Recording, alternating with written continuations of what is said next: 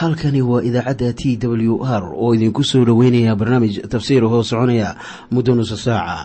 Waxaana barnaamijkan codka waayaha cusub ee waxbaridda ah idiin soo diyaariya masiixiin soomaaliya.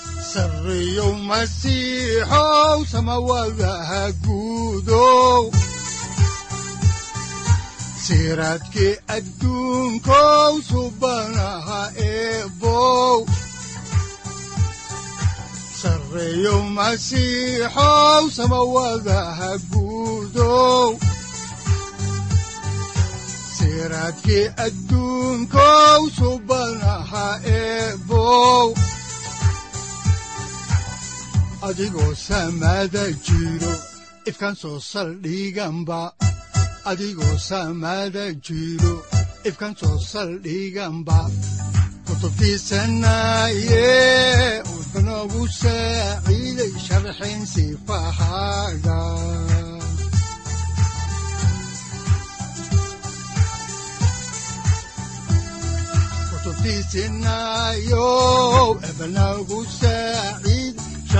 sifahaaga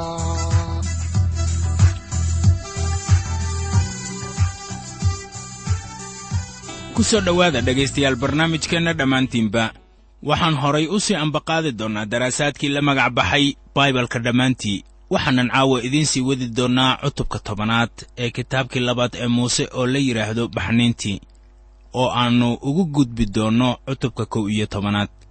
Haddaba mawduucyada cutubkani uu ka kooban yahay waxa ay kala yihiin kow. Fircoon oo loogu dhaartay balaayo kale haddii uusan israa'iil sii dayn. Labo fircoon oo doonaya inuu israa'iil sii daayo laakiin isbedbeddelaya saddex dhulkii masar oo ay halakeeyeen mar kale balaayadii anyaxa. Afar fircoon oo mar kale la weyddiisanayo inuu sii daayo israa'iil wuuna diiday. Shan balaayadii gudcurka oo saamaysay dhulkii oo dhan. Lix fircoon oo muuse oo weyddiinayo inuu ka saaro dadka oo uu nasiyo laakiin welibana uu fircoon niyaddiisii adkaynayo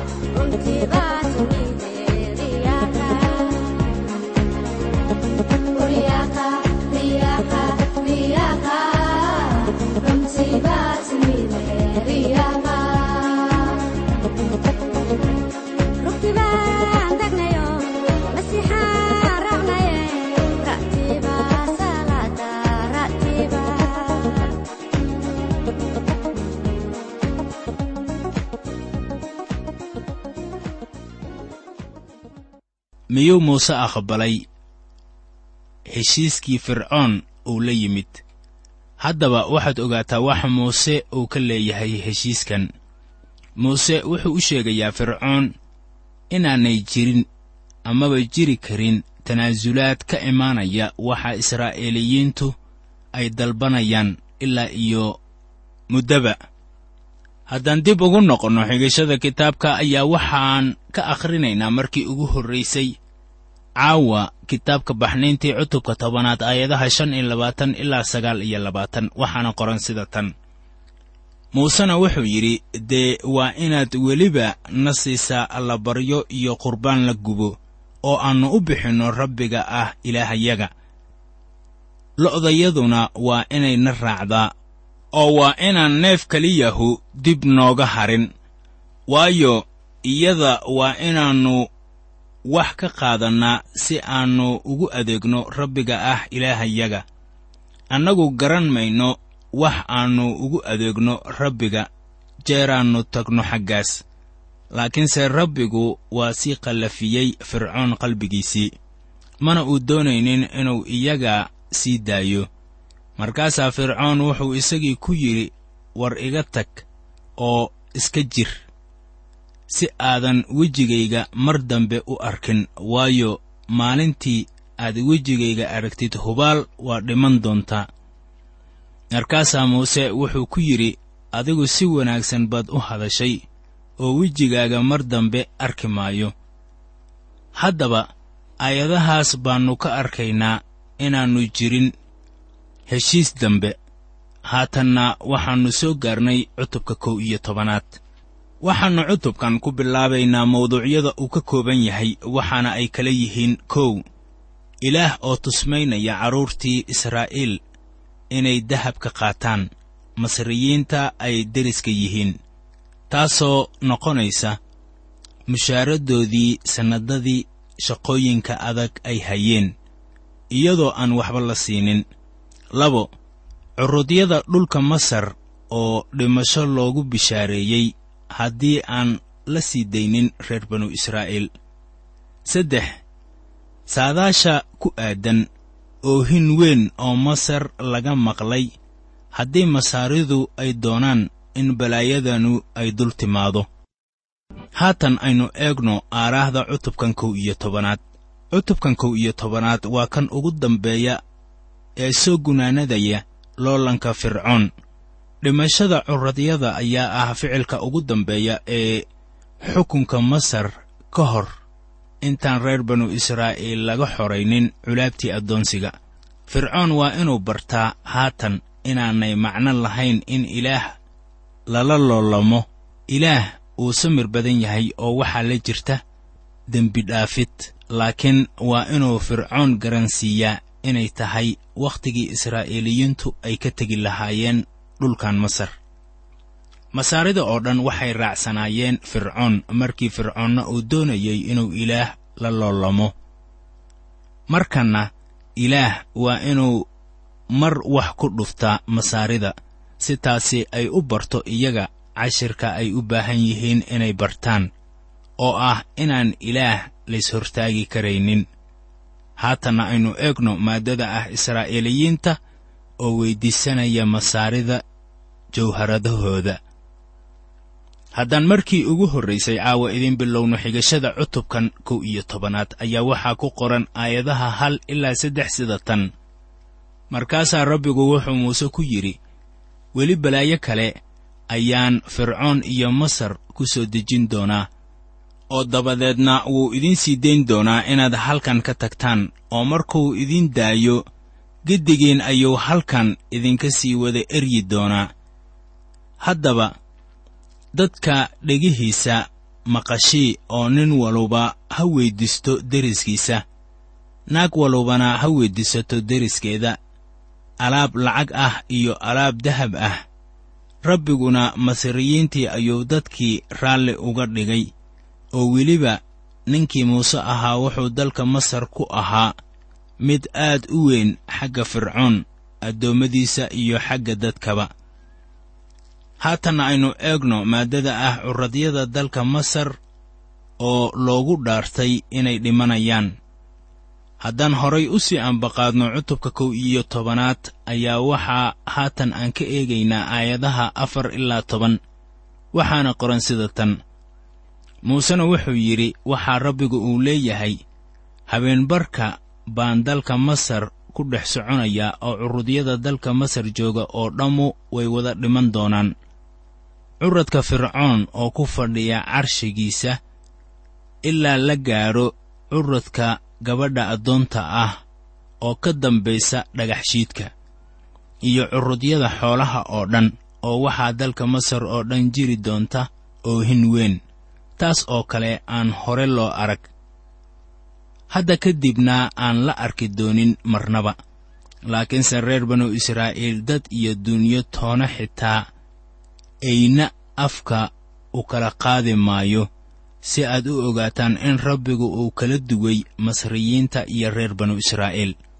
Oo addoommadadan oo dhammu anigay ii iman doonaan oo anigay ii sujuudi doonaan iyagoo leh iska bax adiga iyo dadka kula socda oo dhammuba oo markaas dabadeed ayaan bixi doonaa oo wuxuu fircoon kaga tegay cadho aad u kulul. Markaasaa rabbigu wuxuu muuse ku yidhi fircoon hadalkaaga dhegaysan maayo.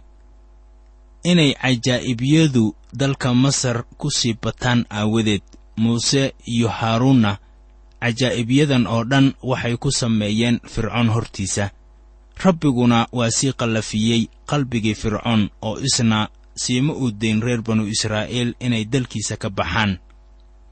Haddaba curudyada dadka iyo xoolaha waxaa iska lahaan jiray waddanka masar mid ka mid ah ilaah ku-sheegyadooda. Rabbiga ilaaha ahu wuxuu leeyahay midhaha ugu horreeya ee masar ee ay lahaayeen sida masaaridu ay rumaysnaayeen ilaah ku-sheegyadooda wuxuu muujinayaa inay jiraan farqi u dhexeeya reer banu israa'iil iyo masaarida. Farqigaasu ma ahan kan malagga dhimashadu uu kaga gudbayo dhulka masar iyo deegaanka gooshan ee israa'iiliyiintu ay degganaayeen mana ahan in quruuni ay tahay yuhuud tan kalena ay tahay dadyowga. Farqigu waxa weeye dhiigga wanka ee la mariyey fiyaaradaha guriga guri walba ee fiyaaradihiisa marsanaayeen dhiig ayaa malagga dhimashadu uu ka booday. Taasuna waa bilowgii fantaasiye diimeedka qadiimka ah ee yuhuudda loona yaqaanno ciidda kormaridda.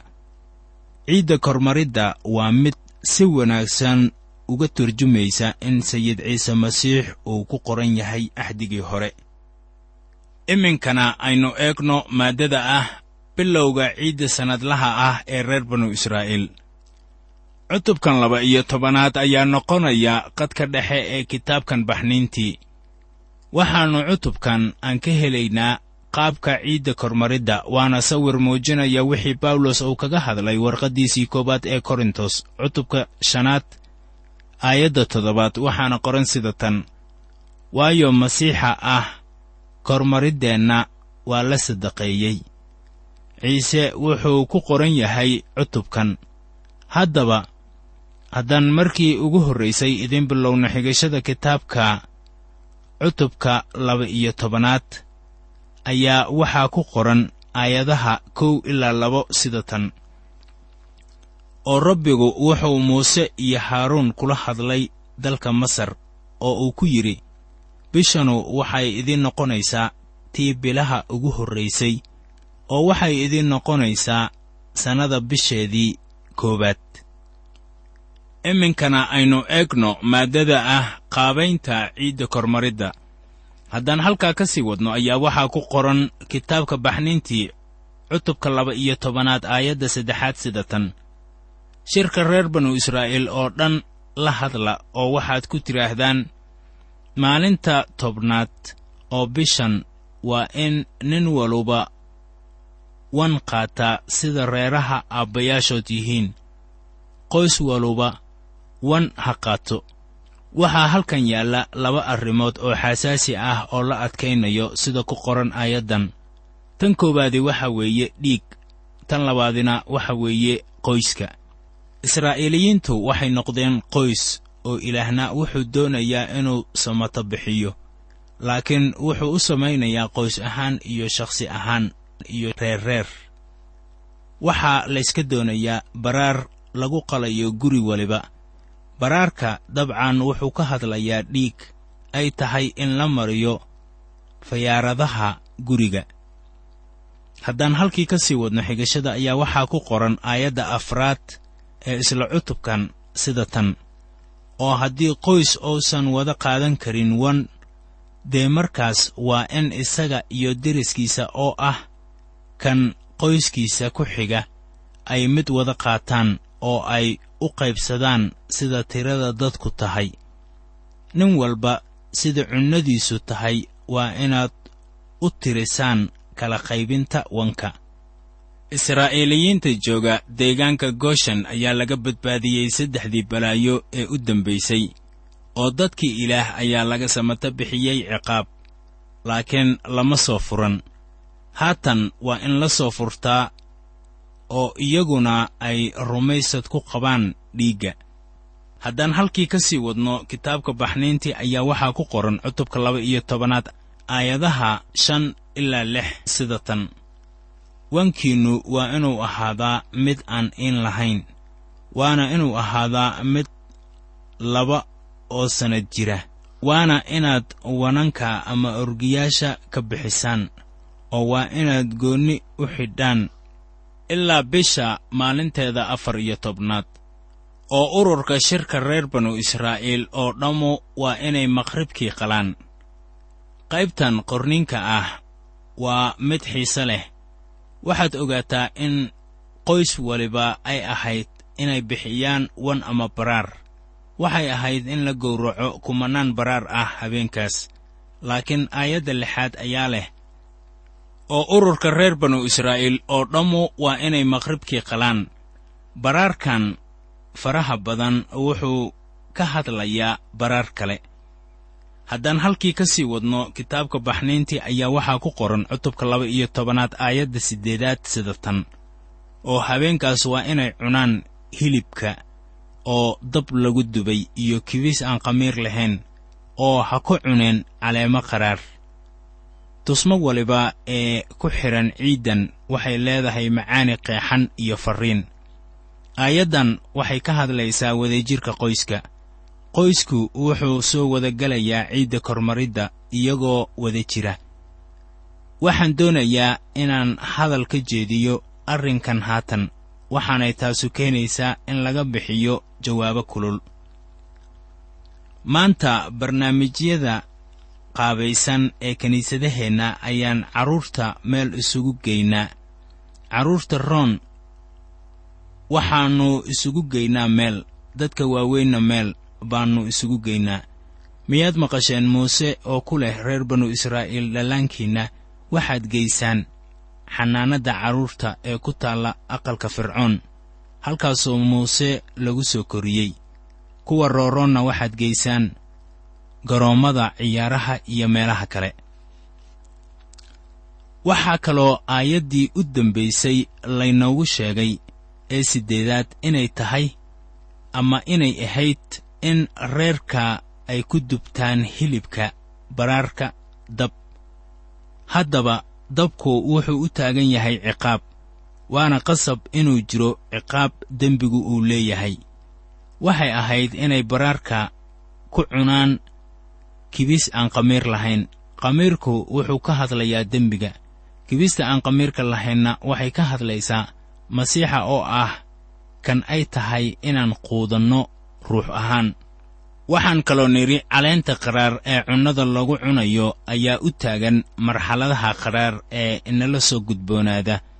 Markaan ilaah u istaagno haddaba aynu dib ugu noqonno xigashada kitaabka baxniintii oon isla eegno cutubka laba iyo tobanaad aayadda sagaalaad oo leh ha cunina isagoo ceyriin ama biyo lagu kariyey laakiin waxaad cuntaan isagoo dab lagu dubay oo qaba madaxiisa iyo mijihiisa iyo waxa gudihiisa ku jiraba. Qaba allabarigan ma ahan in ceyriin lagu cuno waayo wuxuu u taagan yahay xukunka dembiga nolosha dadka. Waxaanay tanu u baahan tahay allabari iyo xukunka dabka markii qof uu u yimaado masiixa wuxuu u imaanayaa isagoo dembiile ah. Welibana ma ahan in neefka habeenkaas biyo lagu kariyo. Waxaanay tanu micno ahaan ka dhigan tahay inaan masiixa ku kalsoonaanno. Isaga oo keliya nasiib darrase waxaa jira kuwo badan oo biyo ugu kalsoonaada badbaadadooda.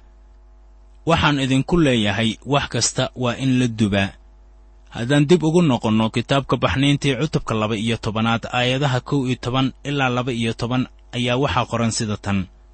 Oo sidan waa inaad u cuntaan idinkoo guntan oo kabihiinnu cagaha idinku jiraan. Ushiinnuna gacanta idinku jirto. Waa inaad degdeg u cuntaan waayo waa rabbiga kormariddiisa. Waayo habeenkaas waxaan dhex mari doonaa dalka masar oo waxaan wada layn doonaa curradyada dalka masar oo dhan kuwa dadka iyo kuwa duunyadaba. Oo ilaahyada masar oo dhan waxaan ku soo dejin doonaa xukumo. Anigu waxaan ahay rabbiga. Haddaan halkaa ka sii wadno xigashada kitaabka baxniintii ayaa waxaa ku qoran cutubka laba iyo tobanaad aayadda saddex iyo tobanaad sida tan. Oo dhiiggu wuxuu idin noqon doonaa calaamo kortaal guryaha aad ku jirtaanba. Oo markii aan dhiigga arko waan iska kiin kormari doonaa. Balaayo idin baabi'isana idinkuma dhici doonto. Markaan wax ku dhufto dhulka masar reer banu israa'iil looma badbaadin oo qura inay ahaayeen faracii ibraahim. Haddii masriyiintu ay addeeci lahaayeen amarrada ilaah iyaga xitaa waa la badbaadin lahaa. Ilaah wuxuu yidhi markii aan arko dhiigga guryihiinna marsan waan iska kiin kormarayaa ma jiro qof loo badbaadiyey inuu ahaa nin wax wanaagsan sameeya amase daacad ah amase qof wanaagsan ah. Ilaah wuxuu yidhi markii aan arko dhiigga waan iska kiin kormarayaa. Waxaad soo raaca ciidda kormaridda kitaabka laawiyiinta. Waxaa ku yaalla tusmooyin ku saabsan kormaridda iyo ciidda kibista aan khamiirka lahayn taasoo qayb ka ah ciiddan. Waxaase taasu ay dhacday kadib ciidda kormaridda. Caawa halkaa ayaannu ku soo gunaanadaynaa ha yeeshee qisada habeen dambe ayay halkeedii ka sii socon doontaa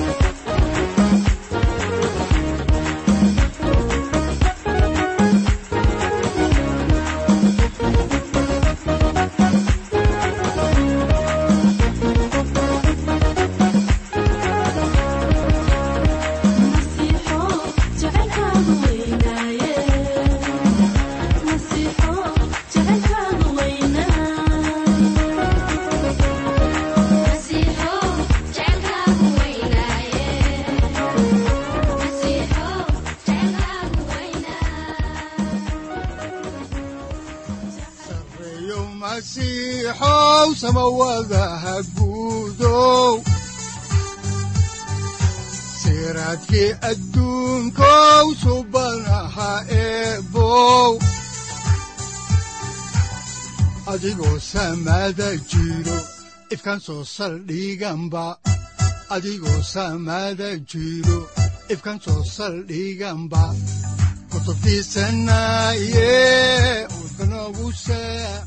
halkani waa t w r idaacadda t w r oo idinku leh ilaa ha idin barakeeyo oo ha idinku anfaco wixii aad caawi ka maqasheen barnaamijka. Waxaa barnaamijkan oo kalea aad ka maqli doontaan habeen dambe hadahan oo kale haddiise aad doonaysaan in aad fikirkiina ka dhiibataan wixii aad caawi maqasheen ayaad nagala soo xiriiri kartaan som t w r at t w r c o k e haddii aad doonaysaan in aad dejiisataan oo kaydsataan barnaamijka ama aad mar kale dhegaysataan fadlan mar kale booqo www t w r o r g amase waxaad teleefoonkaaga ku kaydsataa ama ku download garaysataa agabyada ku sahli karaa dhegeysiga t w r haddii aad doonayso in laga kaalmeeyo dhinacyada fahamka kitaabka amase aad u baahan tahay duco fadlan fariimahaaga soo mari bogga aaraahda ama kommentska inana jawaab degdeg ah ayaanu ku soo diri doonaa amase ku siin doonaaye.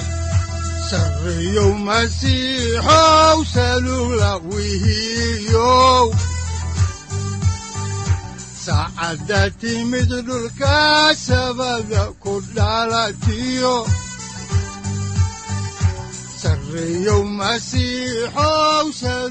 halkani waa t w r oo idiin rajaynaya habeen baraare iyo barwaaqaba leh.